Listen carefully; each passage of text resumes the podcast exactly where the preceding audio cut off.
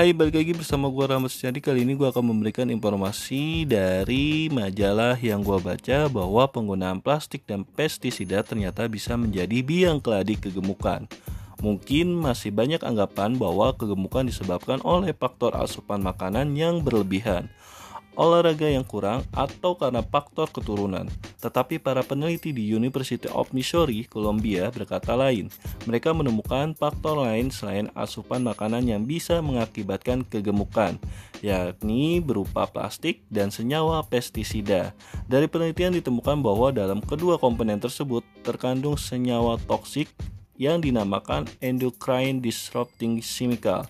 Apabila seorang anak sejak dalam kandungannya sudah terlalu sering terpapar dalam senyawa ini, maka gen pengatur kegemukan yang ada dalam sel-sel tubuhnya dapat mengalami mutasi atau berubah, sehingga dari yang tadinya normal-normal saja dapat berubah menjadi obesitas atau kegemukan.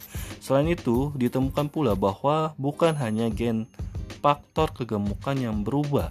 Gen-gen lain yang tadinya aman-aman saja juga berpeluang untuk termutasi menjadi gen pemicu kanker. Sudah tentu hal ini perlu diwaspadai oleh kita semua ya. Jadi, mungkin ada baiknya jika Anda dan pasangan Anda merencanakan kehamilan untuk sedapat mungkin menghindari kontak terutama antara makanan dengan pestisida atau segala sesuatu yang berbahan dasar plastik. Sekian informasi kali ini. Wassalamualaikum warahmatullahi wabarakatuh.